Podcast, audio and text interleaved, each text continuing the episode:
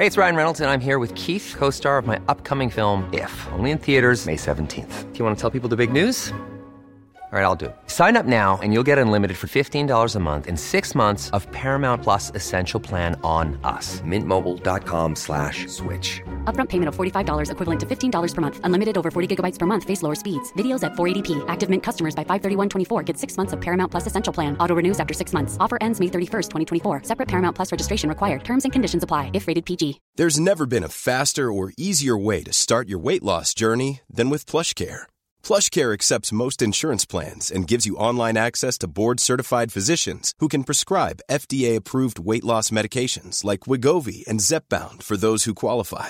Take charge of your health and speak with a board-certified physician about a weight loss plan that's right for you. Get started today at plushcare.com slash weight loss. That's plushcare.com slash weight loss. plushcare.com slash weight loss. Burrow is a furniture company known for timeless design and thoughtful construction and free shipping, and that extends to their outdoor collection. Their outdoor furniture is built to withstand the elements, featuring rust-proof stainless steel hardware, weather-ready teak, and quick-dry foam cushions. For Memorial Day, get 15% off your Burrow purchase at burrow.com slash ACAST and up to 25% off outdoor. That's up to 25% off outdoor furniture at burrow.com slash ACAST. Out of that stunning arrest of the drug kingpin who goes by the name Dread Pirate Roberts appears to have cornered the internet drug market. His real name is Ross Ulbricht, and his website, Silk Road, is packed with products like cocaine and heroin.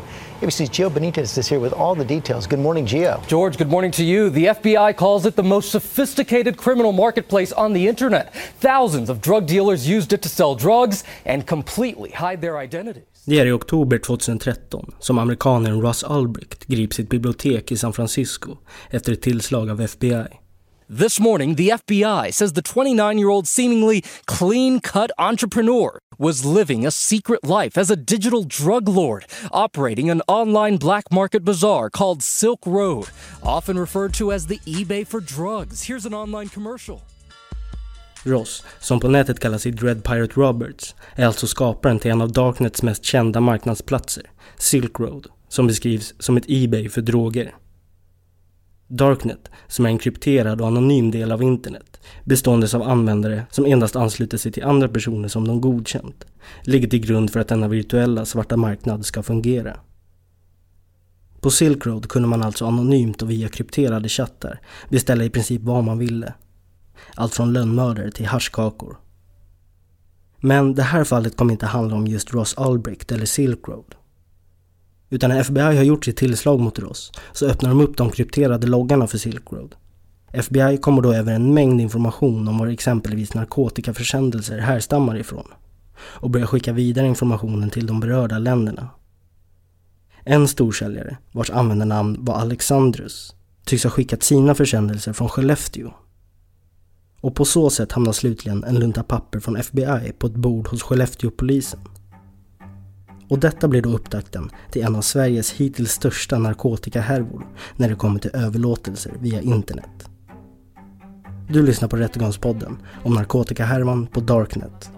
Poliisin vangittunna epäiltynä knarkkihärvasta. I stort eh, så är de här personerna som är misstänkt för det här grova narkotikabrottet eh, inte kända av polisen sedan tidigare. Hur stora mängder narkotika handlar det om? Det är ett, eh, flera tusen eh, överlåtelser av narkotika. Ett mottagande av den dyra fina kisen, ett kilo. 100 kis i ersättning. Mm. Och det är det här jag hänvisar till. Att erbjudandet gäller ett kilo cheese. Och kis var? Det är en sorts eh, cannabis, marijuana. Eller mer eller mindre kan man kalla någon typ av cannabisdimma för man reflekterar inte helt enkelt vad det är för, för dag och datum medan man är inne i ett ganska tungt missbruk av cannabis. Så jag låser upp, går in, ser. Alltså, det var inte en förödelse, det måste jag inte säga, men alltså, det var popcorn. Nej, inte popcorn, ostbågar. Så i köket, vars, vars än Stefan hade gått, så var det ostbågar. Ja, men Simon har man fått intryck att det är en liten eh, slarvpelle sådär som kanske inte, inte följer följer instruktionerna som man får utan att han kanske tar en genväg så fort han får chansen att vara själv helt enkelt. Och de här personerna har varit inblandade i narkotikaförsäljning via internets darknet där det finns material som man inte kommer åt med vanliga sökmotorer. FBI hade uppgifter om en signatur på Darknet som nu kunnat knytas till de dömda männen och på så sätt så kom svensk polis gänget på spåren. Narkotikaaffären har omfattat flera tusen leveranser och gett stora summor pengar. Och de fem krävs nu också på sammanlagt över 1,6 miljoner kronor i ersättning till staten.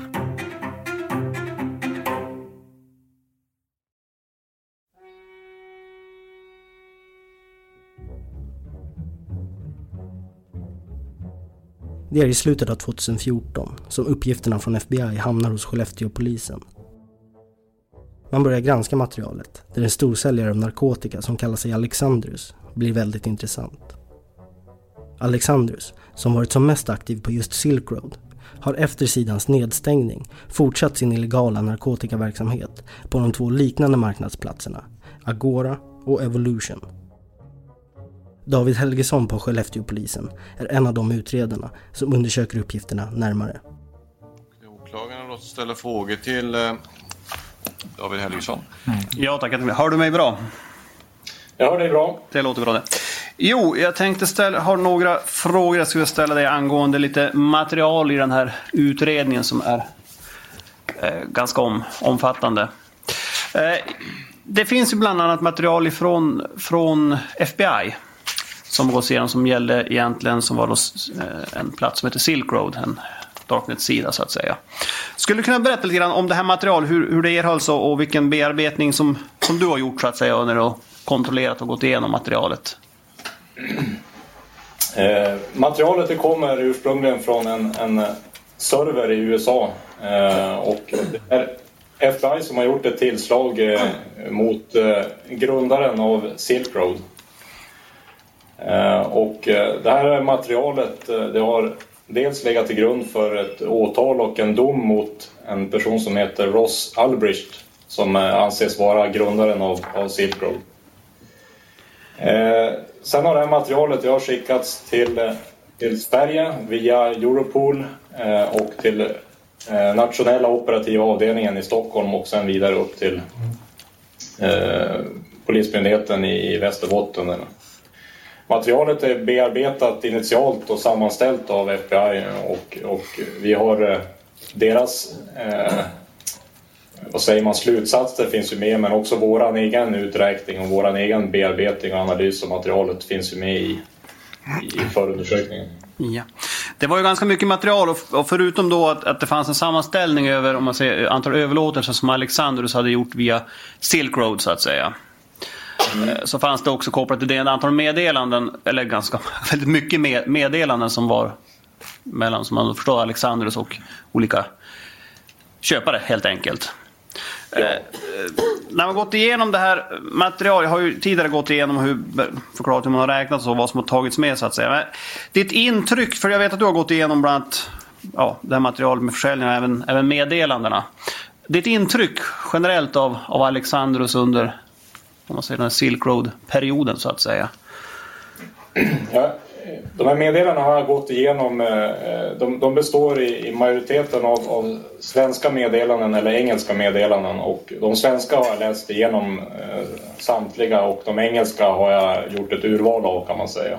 Och, eh, min bild av det, är att det är en, en eh, omfattande, omfattande konversationer mellan den här Alexandrus och, eh, och köpare. Och, eh, en del av köparna de är är enstaka gånger och en del av köparna är återkommande. De handlar uteslutande om eh, narkotika. Det handlar om, om mängder, det handlar om priser, det handlar om, eh, om doseringar, hur mycket man ska ta av respektive vara och för att få bäst effekt och så vidare. Okay. Det är också min uppfattning att, att den här Alexandrus är är väldigt tillmötesgående i de här meddelanden. Han, eh, han besvarar meddelandena, han är noga med att, att, eh, eh, att kunden ska, ska förhålla sig till eh, det här escrow-systemet som eh, man kanske har pratat om tidigare i ärendet, men att, man, att det ska gå rätt till för kunden. att han ska lämna feedback först efter att han har fått produkten och att han har provat den. Uh, ja, väldigt seriös verksamhet skulle jag vilja påstå. Och Thomas Palmgren blir utsedd spaningsledare vars uppgift att identifiera vem den anonyma Alexandrus är till en början tycks vara en klurig uppgift då upplägget i detta fall skiljer sig från andra spaningar. Jag tror det är enklast om jag börjar, börjar från början så får jag en röd tråd i det. Eh, det här ärendet är ju ett ärende som, som skiljer sig ganska mycket mot för de flesta ärenden som jag har varit eh, spaningsledare och bedrivit. Eh, jag kommer komma in på varför det är så. Eh, men i de flesta liknande spaningsärenden som, som gäller grova narkotikabrott så är det ju ofta så att vi har redan från dag ett en skäligen misstänkt person som vi eh, jobbar utifrån eh, eh så, som misstänkt. I det här fallet, i det här ärendet så, så hade vi ju ingen initialt, eh, i, i det initiala skedet, vi hade ingen fysisk person som var misstänkt för det här brottet utan det enda vi hade att gå på det var ett antal försändelser som var postade i Skellefteå som innehöll misstänkt narkotika. Och eh, genom inre spaning och, och eh, underrättelsearbete så hade vi då kommit fram till att en, en trolig eh, person som står bakom det här eh, går, går bakom ett alias som heter Alexandrus. Men vi hade ju ingen fysisk person att knyta den här Alexandrus till. Eh, någonstans där börjar vi i det här ärendet, eh, till skillnad från från eh, ett ärende i normalfallet där vi oftast har en namngiven person som, som är skäligen misstänkt. Då. Och eh, i det här arbetet så, så börjar vi ju eh, med att bedriva en fysisk spaning eh, mot ett antal platser, eh, företrädelsevis postlådor i Skellefteå. Man vet ju att narkotikan skickas från just Skellefteå. Bland annat har man i en postcentral hittat en trasig försändelse innehållandes en så kallad fudge som är en chokladkaka spetsad med hash. Så att sätta sig och spana på diverse postlådor tycks vara en bra början. Och spaningsledare Palmgren sätter en grupp spanare till verket. Ja, nej, men vi har ju fått in att det skulle finnas eventuellt en, eh, ja, en försäljare. Rasim Chebil är en av dem. På, på nätet helt enkelt som hade en speciell vara, en fudge, eh, där man då hade hitta söndriga, eller försändelser som hade gått sönder.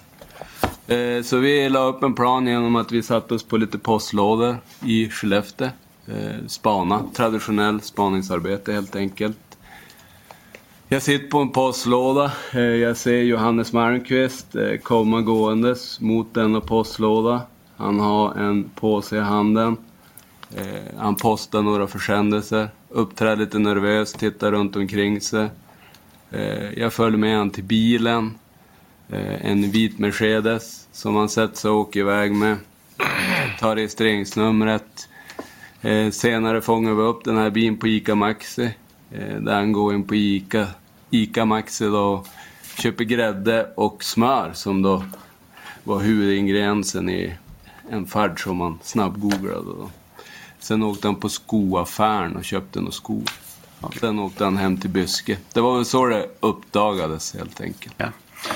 Eh, sen vet jag att det började en lite mer intensiv spaningsfas mot ja, slutet på januari och framöver så att säga till, till ett tillslag som är den 24 februari. Eh, nu vet jag att du kanske inte har varit med på alla span men du har varit med på en hel del av spaningarna som varit där. Alla, alla postningar utom en tror jag var med på. Ah, okej. Okay, okay. Skulle du kunna berätta, vad är det för något iakttagelser ni har gjort i samband med att ni har spanat och, och vilka är det som du har iakttagit i samband med det här och beskriv hur de har förfarit? Ja, men det är ganska, oftast har det varit så att resan har påbörjats från Johannes där i Byske på Skolgatan 1. Där han i stort sett har åkt in till stan. Eh, och antingen så har han åkt då, ibland har han åkt till macken först, till Statoil eller liknande, eh, gjort tankat men det har egentligen alltid slutat med att han har plockat upp eh, Simon på Morobacke. Ja, ah, men det har varit ganska systematiskt där också. De har kommit fram till, eller kört eh, mot postlådorna, parkerat en bit ifrån. Eh, en av dem har klivit ur, gått mot postlådan, haft en påse, alltid handskar. Simon har inte alltid haft påse, men Johannes kan man uteslutande säga att han alltid haft sitt i påse. Eh, de går fram till postlådan, postar, går tillbaka. Eh, oftast att de parkerar en bit ifrån. Ja. Eh, några gånger det som har skilt sig är väl på senare tid när Simon fick, eller körde sin egen bil. Eh, då kunde Simon bli avsläppt hemma eller att då, en gång vart han avsläppt hemma på Morobacke för att ta sin bil. Då körde han ett varv runt kvarteret, for hem och sov ett tag för att sen få posta 15 försändelser. Istället för att göra jobbet direkt. Eh, en annan gång eh, så for han också iväg i sin bil och postade väldigt många försändelser. Och tittar man på Johannes så är det oftast i snitt 4 till 5 försändelser för postlåda, väldigt systematiskt. Och när de båda två har varit tillsammans så har Simon också postat 4 till 5 försändelser per postlåda. Så alltså man ser, om man går tillbaka till försändelser som man postar i varje låda. Om man ser, du sett Johannes, att det, brukar, det rör sig om en 4 till 5 försändelser per låda. Och sen Ja. är det nästa låda med lika många så att säga, man Ja. postar klart. Är. Har det varit alltså 4 till 5 försändelser då när de har varit tillsammans också? När, exempelvis när Simon? Ja, men precis. När de har varit tillsammans så har det väl varit det. Det är väl någon gång det har varit sex sådär, men man kan säga snittet 4 till 5. Men så fort Simon har varit själv så har det blivit en markant skillnad och har kunnat hamna ja, ett 15-tal i samma postlåda. Okej, men eh, du berättade på slutet du sa något att han körde sin egen bil här. Ja. Har du haft någon uppfattning eller har du fått någon indikation på att han inte, varför han inte har kört sin egen bil hela tiden? Eller har du haft någon? Ja, den har väl varit trasig har väl varit indikationen. Okej. Men så jag sa det på slutet när han körde sin egen bil. Du, du, du sa spontant en situation. Han blev avsläppt hemma. Alltså kom de då från Fjällboda? Eller? Ja, de kom från Fjällboda och Johannes far åt ett håll och, och eh, Simon far åt ett håll och kör runt kvarter och sen går han in och sov. Och sen hållspanar han för att han senare då på, på dagen, jag kommer inte ihåg exakt vilken tid, då åker han ner på Shell och postar 15 stycken och så åker han hem igen. Och så sover han väl, eller om han tar hand om barnet. Den, den situationen då, alltså han... Johannes när han far iväg åt ett håll och Simon tar sin bil åt, åt ett håll. Ska båda fara och posta? Är det så man uppfattar? Eller vad gör Johannes under den det, tiden? Nej, men min uppfattning är att de ska få båda och posta att de har gjort upp hur det ska postas. eh, Och eh, sen så tar Simon en genväg helt enkelt. Så han kör bara runt kvarter och går hem igen? Ja. Och så sen senare på dagen åker han och postar alla sina försändelser. Som han säkert skulle ha gjort på tre, fyra postlådor egentligen. Ja, okej. Har du haft något intryck av när de har varit vid de här postlådorna och postat så att säga? Har du fått något generellt intryck av? Nej, men mitt intryck är väl under de här fyra veckorna att eh, det har varit väldigt systematiskt och eh, framförallt från Johannes. Det har i stort sett sett ut på samma sätt varje gång. Eh, kom emot, parkera en bit ifrån, kom emot postlådan, haft sin påse, eh, tag, eh, postat och sen vikt ihop sin påse för att stoppa ner den i fickan och gå tillbaka till bilen och åka därifrån. Okej. Eh, Har du fått något intryck av Simon då? Ja, men Simon har man fått intryck att det är en liten eh, slarvpelle sådär som kanske inte, inte följ, följer instruktionerna som man får utan att han kanske tar en genväg så fort han får chansen att vara själv helt enkelt. Okej.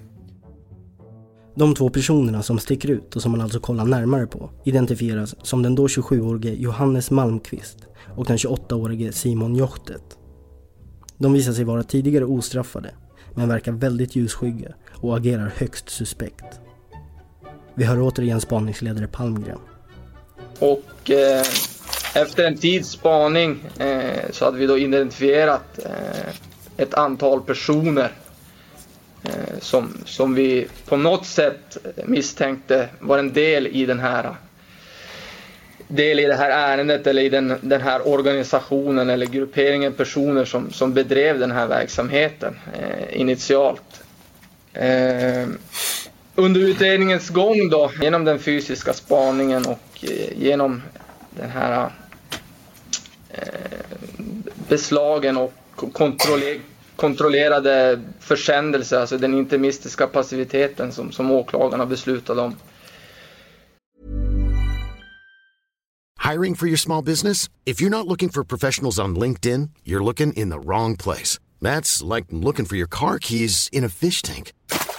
LinkedIn helps you hire professionals you can't find anywhere else, even those who aren't actively searching for a new job but might be open to the perfect role. In a given month, over 70% of LinkedIn users don't even visit other leading job sites. So start looking in the right place. With LinkedIn, you can hire professionals like a professional. Post your free job on linkedin.com/people slash people today. If you thought the only way to get a more defined jawline with natural-looking results was through surgery, think again. Juvederm Volux XC is a non-surgical injectable gel filler that improves moderate to severe loss of jawline definition and can help you achieve natural-looking results with little downtime. Even better, this improved definition lasts up to one year with optimal treatment. No maintenance required. Improve jawline definition for a smooth, sculpted look with Juvederm Volux XC. For important safety information and to find a licensed specialist, visit juvederm.com. That's J U V E D E R M.com. Not for people with severe allergic reactions, allergies to lidocaine, or the proteins used in Juvederm. Common side effects include injection site redness, swelling, pain, tenderness, firmness, lumps, bumps, bruising, discoloration, or itching. There's a risk of unintentional injection into a blood vessel, which can cause vision abnormalities, blindness, stroke, temporary scabs, or scarring. Talk to a licensed specialist to find out if it's right for you. Hey, it's Ryan Reynolds, and I'm here with Keith, co star of my upcoming film, If, only in theaters, May 17th. Do you want to tell people the big news? All right, I'll do it. Sign up now and you'll get unlimited for $15 a month in six months of Paramount Plus Essential Plan on us. Mintmobile.com slash switch. Upfront payment of $45 equivalent to $15 per month. Unlimited over 40 gigabytes per month. Face lower speeds. Videos at 480p. Active Mint customers by 531.24 get six months of Paramount Plus Essential Plan. Auto renews after six months. Offer ends May 31st, 2024. Separate Paramount Plus registration required. Terms and conditions apply if rated PG. Hey, it's Paige DeSorbo from Giggly Squad. High quality fashion without the price tag. Say hello to Quince. I'm snagging high-end essentials like cozy cashmere sweaters, sleek leather jackets, fine jewelry, and so much more. With Quince being 50 to 80% less than similar brands. And they partner with factories that prioritize safe, ethical, and responsible manufacturing. I love that. Luxury quality within reach. Go to quince.com slash style to get free shipping and 365-day returns on your next order. quince.com slash style. Och den interimistiska passiviteten innebär alltså att åklagaren har beslutat att man fortfarande ska skicka iväg försändelserna till leveransadresserna trots att man vet att de innehåller narkotika. Ett inte helt ovanligt tillvägagångssätt vid situationer likt dessa, men ett tillvägagångssätt som i efterhand ibland brukar mötas av kritik. Skulle man inte göra på det här sättet så skulle säljaren Alexandrus väldigt snart bli varse om att köparna inte fått sin narkotika och skulle då enkelt kunna förstå att någon beslagtar narkotikan på vägen och Alexandrus skulle då ha god tid på sig att lägga ner sin verksamhet och undanröja bevisning. Som också var en del, del av det breda arbetet eh, och helt nödvändigt för oss att kunna komma vidare och bevisa vem det är som, som är eh, den, den som står bakom det här. Så har vi ju under utrednings, utredningens gång samlat in bevisning och på så sätt eh, börjat eh, samla bevisning mer och mer per, per individ och vilka, vilka typer av eh, roller man hade i den här organisationen.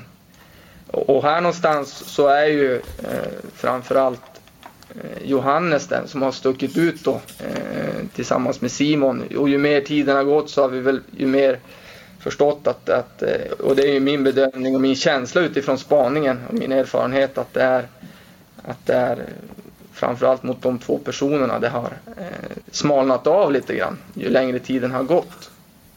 Men fortfarande har vi eh, hållit alla dörrar öppna. Jag återkommer till det i, i, i avslutningen här hur vi har bedrivit eh, tillslagsdelen och utredningen också. Eh, men, men som några exempel på, på varför jag påstår att, att, att det har varit på det här sättet. Eh, det är ju då några exempel från, från spaningen.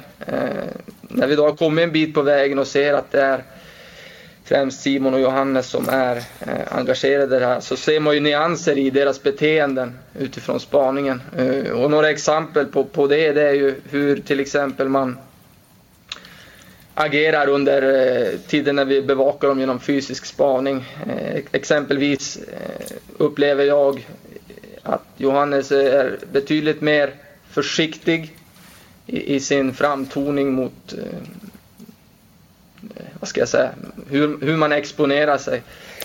Hur man eh, har ett säkerhetstänk i det sättet man rör sig på och eh, genomför de här till exempel postningarna och så vidare. Även hur man beter sig i den pågående avlyssningen i telefonerna. Eh, exempelvis vid tillfällen när det har varit en, en postning i Skellefteå så kan vi konstatera att, eh, nu har inte jag datum eller sånt i huvudet, men det finns i förundersökningen hur Johannes och Simon tillsammans åker och levererar. Eh, åker upp till Fjällboda och eh, vad vi påstår då paketerar och, och hämtar försändelser med narkotika. Vi ser att eh, Simon blir avsläppt av Johannes i, i närheten av sin hemadress och att Simon sen tar sin bil, eh, åker ett, till synes ett varv runt kvarteret för att, eh, för att visa att man flyttar på sig, går raka vägen hem, eh, går och lägger sig och sover för att dagen efter komma ut igen, ha med sig ett stort antal försändelser som man slänger på en och samma postlåda. Till skillnad, till skillnad mot Johannes som, som hela tiden under spaningen har delat upp eh, försändelserna som, som eh, har skickats, i, spridit ut dem på olika postlådor på olika delar av, av, av Skellefteå. Eh, varit väldigt försiktig, försiktig med det medan Simon då som jag försökte belysa här har, har varit betydligt mer vårdslös i, i, sitt agerande i postningen av brev. En annan del av det är ju hur Simon har använt eh, sin telefon. Han har, eh, som är min erfarenhet också i de allra flesta fallen när vi bedriver hemlig telefonavlyssning, det att han har pratat på telefonen på ett sådant sätt att vi, vi ändå förstår vad det är de pratar om. Eh, vid något tillfälle eh, så har han pratat med, med Stefan Sandström vet jag och det är relak, vad ska jag säga, narkotikarelaterade samtal. Man benämner det som olika maträtter om jag kommer ihåg rätt här. Man pratar om grönsaker och brunsåser och olika saker. Benämningar på, på cannabis, cannabis, grönsaker i marijuana och hasch, eh, brunsås och så vidare. Eh, det har inte förekommit överhuvudtaget några sådana samtal vad det gäller, vad det, vad det, gäller, vad det gäller på Johannes telefon. Betydligt mer disciplinerat. Eh, det har även varit väldigt disciplinerat vad det gäller telefonsamtal i, i, i synnerhet mellan, från Johannes till Simon. Eh, och tvärtom att eh, vad jag känner till och eh, vill påstå så finns det inte för oss i polisen kända samtal mellan de här personerna Eh, på den hemliga telefonavlyssningen utan den kommunikationen som har varit det har varit via krypterade, via krypterade applikationer på telefonerna som, som Trema och Shorespot och liknande där man har fört dialogen. Eh, där det även framkommit då att eh, Johannes har vid vissa tillfällen eh, ville ha kvittenser från Simon på att, på att postningarna är genomförda och att allting har gått bra. Eh, så Sakteliga har ju ju längre utredningarna gått, ju mer ser man och ju mer känsla får man för hur, hur eh, hierarkin är i, i, i, den här grupperingen. Eh, och min bestämda uppfattning eh, i efterhand så är utredningen klar, det är att Johannes har haft en betydligt mer styrande roll och stått över Simon i, i, i det här arbetet.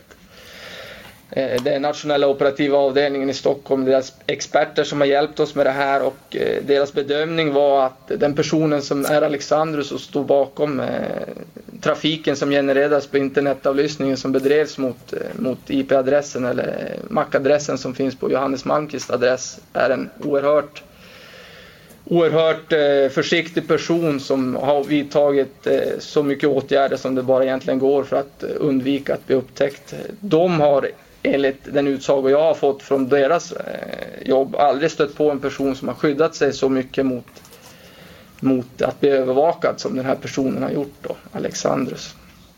Eh, så vi visste på förhand att det här var en väldigt viktig pusselbit i utredningsskedet som skulle komma efter spaningen.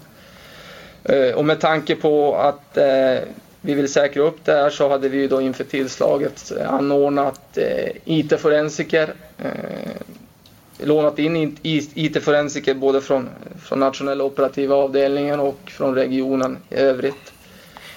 Vi hade fördelat ut de här IT-forensikerna på, på flera olika adresser, alltså inte bara Johannes adress utan även Simons adress, någon ytterligare person som bor granne med Johannes som inte står åtalad idag eh, Stefan Sandström och så vidare misstänkta eh, tillsammans med insatspersonal som skulle genomföra inbrytningar för att snabbt kunna säkra den här bevisningen. Och, och den har ju skett då i ett sådant skede där vi har fått bekräftelse på att, eh, på att det pågår datatrafik och den har skett simultant på samtliga adresser. Eh, just utifrån den aspekten att vi, vi vill inte riskera att förlora någon bevisning som finns i en IT-miljö oavsett på vilken av de misstänkta personerna den fanns på. Även om min magkänsla och analysen var att, att Johannes eh, är den som eh, är troligast står bakom det här så har vi agerat på ett sådant sätt mot samtliga adresser vid samtliga tillslag som har skett samtidigt. På ett stort antal... Man har alltså jobbat vitt och brett under spaningen. Men allting pekar på att det är just denna Johannes Malmqvist som är den Darknet-baserade narkotikamogulen Alexandrus. Den 24 februari 2015 gör man alltså en samordnad insats med inte mindre än 70 poliser som samtidigt slår till mot sju olika adresser runt om i Västerbotten och Norrbotten. Ja, jag, jag och eh, en herre från, från NOA går sist i ledet in i, in i lägenheten eh, på Skolgatan. Eh, när jag kommer in ligger det en man, jag tror redan då i handfängsel, på, på, på sängen. Det var två datorer igång. En som var kopplad till eh, TVn i vardagsrummet, som var inloggad. Eh, och en som var igång men låst med, med Windows-lösenord. Joakim Winvall är en av IT-forensikerna som är med i insatsstyrkan och går in i just Johannes Malmqvists lägenhet. Beskriva, vad är, det du, vad är det ni gör så att säga i, i det inledande arbetet och vad, vad gör ni för iakttagelser där i, i, rent på plats i lägenheten hos Johannes? Ja, det första jag gör är givetvis lite av paranoia, kolla kameror och sånt där så att man inte är filmad och, sånt. Eh, om man är två stycken, är man ensam som gör man inte. Men i det här fallet var vi två, en dator var låst så den, den var ingen panik med.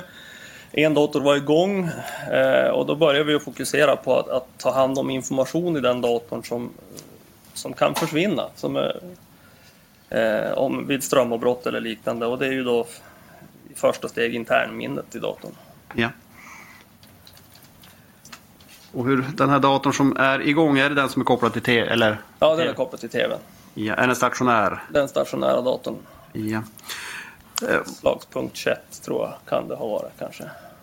Ja, 21 och 22 här. Eh, vad är det, vad, vad gör man, vad, ja, när ni då den är igång så att säga. Vad, vad, vad, ser ni så att säga rent, rent på plats när ni är där? Alltså du tänkte eh, program som är igång? Ja precis, lite ja. grann sånt. Det. Eh, det var ganska mycket igång. Det gick en hel del eh, fildelning på den där via Utorrent tror jag. Det var en del sidor öppna. Om det var Agora och Evolution eller båda två. Det var någon bitcoin-sajt Bitcoin Fog tror jag den heter, hade en flik öppen i en webbläsare. Um, det var en hel del, ja, i alla fall fyra stycken eh, textfiler öppna. Um, innehållande lösenord. Det var även eh, någon adressboksprogramvara som jag inte nu kommer ihåg vad den hette, men no, no, något liknande adressbok eh, där det fanns en del eh, information. Ja. Okej, okay, så ni säkrar, eller säkrar man, man, så att det inte försvinner direkt? Ja, Hur gör man sen? Alltså, jag tänkte rent det tekniska när man ska säkra informationen från? Ja, det finns speciella programvaror som, som, som är framtagna för att till exempel plocka ut internminnet ur en dator eh, så att vi får det i sin helhet så vi kan analysera det senare. Eh, de här programvarorna kan man använda för att kopiera ut krypterade containrar som är uppmonterade i systemet och även systemenheter. Och, ja. Man gör att man speglar av alltså, jag förstår. Ja, alltså man får precis. identisk kopia av den ja. originalbeslaget så tar man över den. En likadan kopia så säga. Precis. Och ingenting... Av saker som är viktiga som kan försvinna när vi stänger av det. Okay. Eh, du nämnde någonting här om att det Agora Evolution, att det var öppet. Har du någon uppfattning om det var någon som var inloggad där? Jaha, det var nog användare inloggade på alla tre sajterna men eh, jag kommer inte ihåg på rak arm eh, vilka det var. Eh, någon RU någonting på någon av sidorna där. RUFA eller eh, liknande. Ja, jag tänkte vilket, jag tänkte på Agora Evolution, kunde du se vilken typ av användarnamn som du har? Nej, det, det, det var en butikssida. Alltså en, en vendor-sida. Så det var inte en köpare utan en säljarsida som var igång. Ja, jag läste bara ett PM som du skrev den med husrannsakan där att du använde namnet Alexandrus. Ja, ja, men står det så så... Ja, okay, ja. Jag kommer ihåg det lite tydligare när jag skrev PM än nu. Okay. Kan du säga berätta om den undersökning som har skett? I Johannes Malmqvists dator kommer man hitta en stor mängd information som tyder på att han är hjärnan bakom användarnamnet Alexandrus. Men det är inte direkt som att Johannes kommer att erkänna till detta. Han kommer att skylla på att han blev indragen i detta på sin kompanjon Simon, den så kallade slarvpellen. Och Simon kommer i sin tur att skylla på Johannes, men kommer också att dra in en helt annan person som han hävdar också är hjärnan bakom detta. En person som inte åtalas för någon brottslighet och är alltså inte en del av den här rättegången. Och åklagaren, som till slut kom att räkna upp till att det rör sig om över 4500 narkotikaförsändelser som överlåtits av Alexandrus, vill också få reda på hur Alexandrus i sin tur har fått tag på dessa enorma mängder droger. Mer om allt detta i del 2.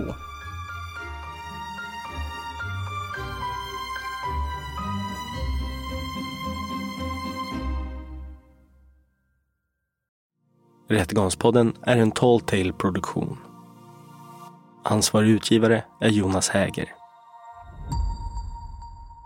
Och Rättegångspodden görs i samarbete med Lexbase. Ange rabattkoden Rättegångspodden när du blir ny betalande medlem på lexbase.se och få tre kostnadsfria domar.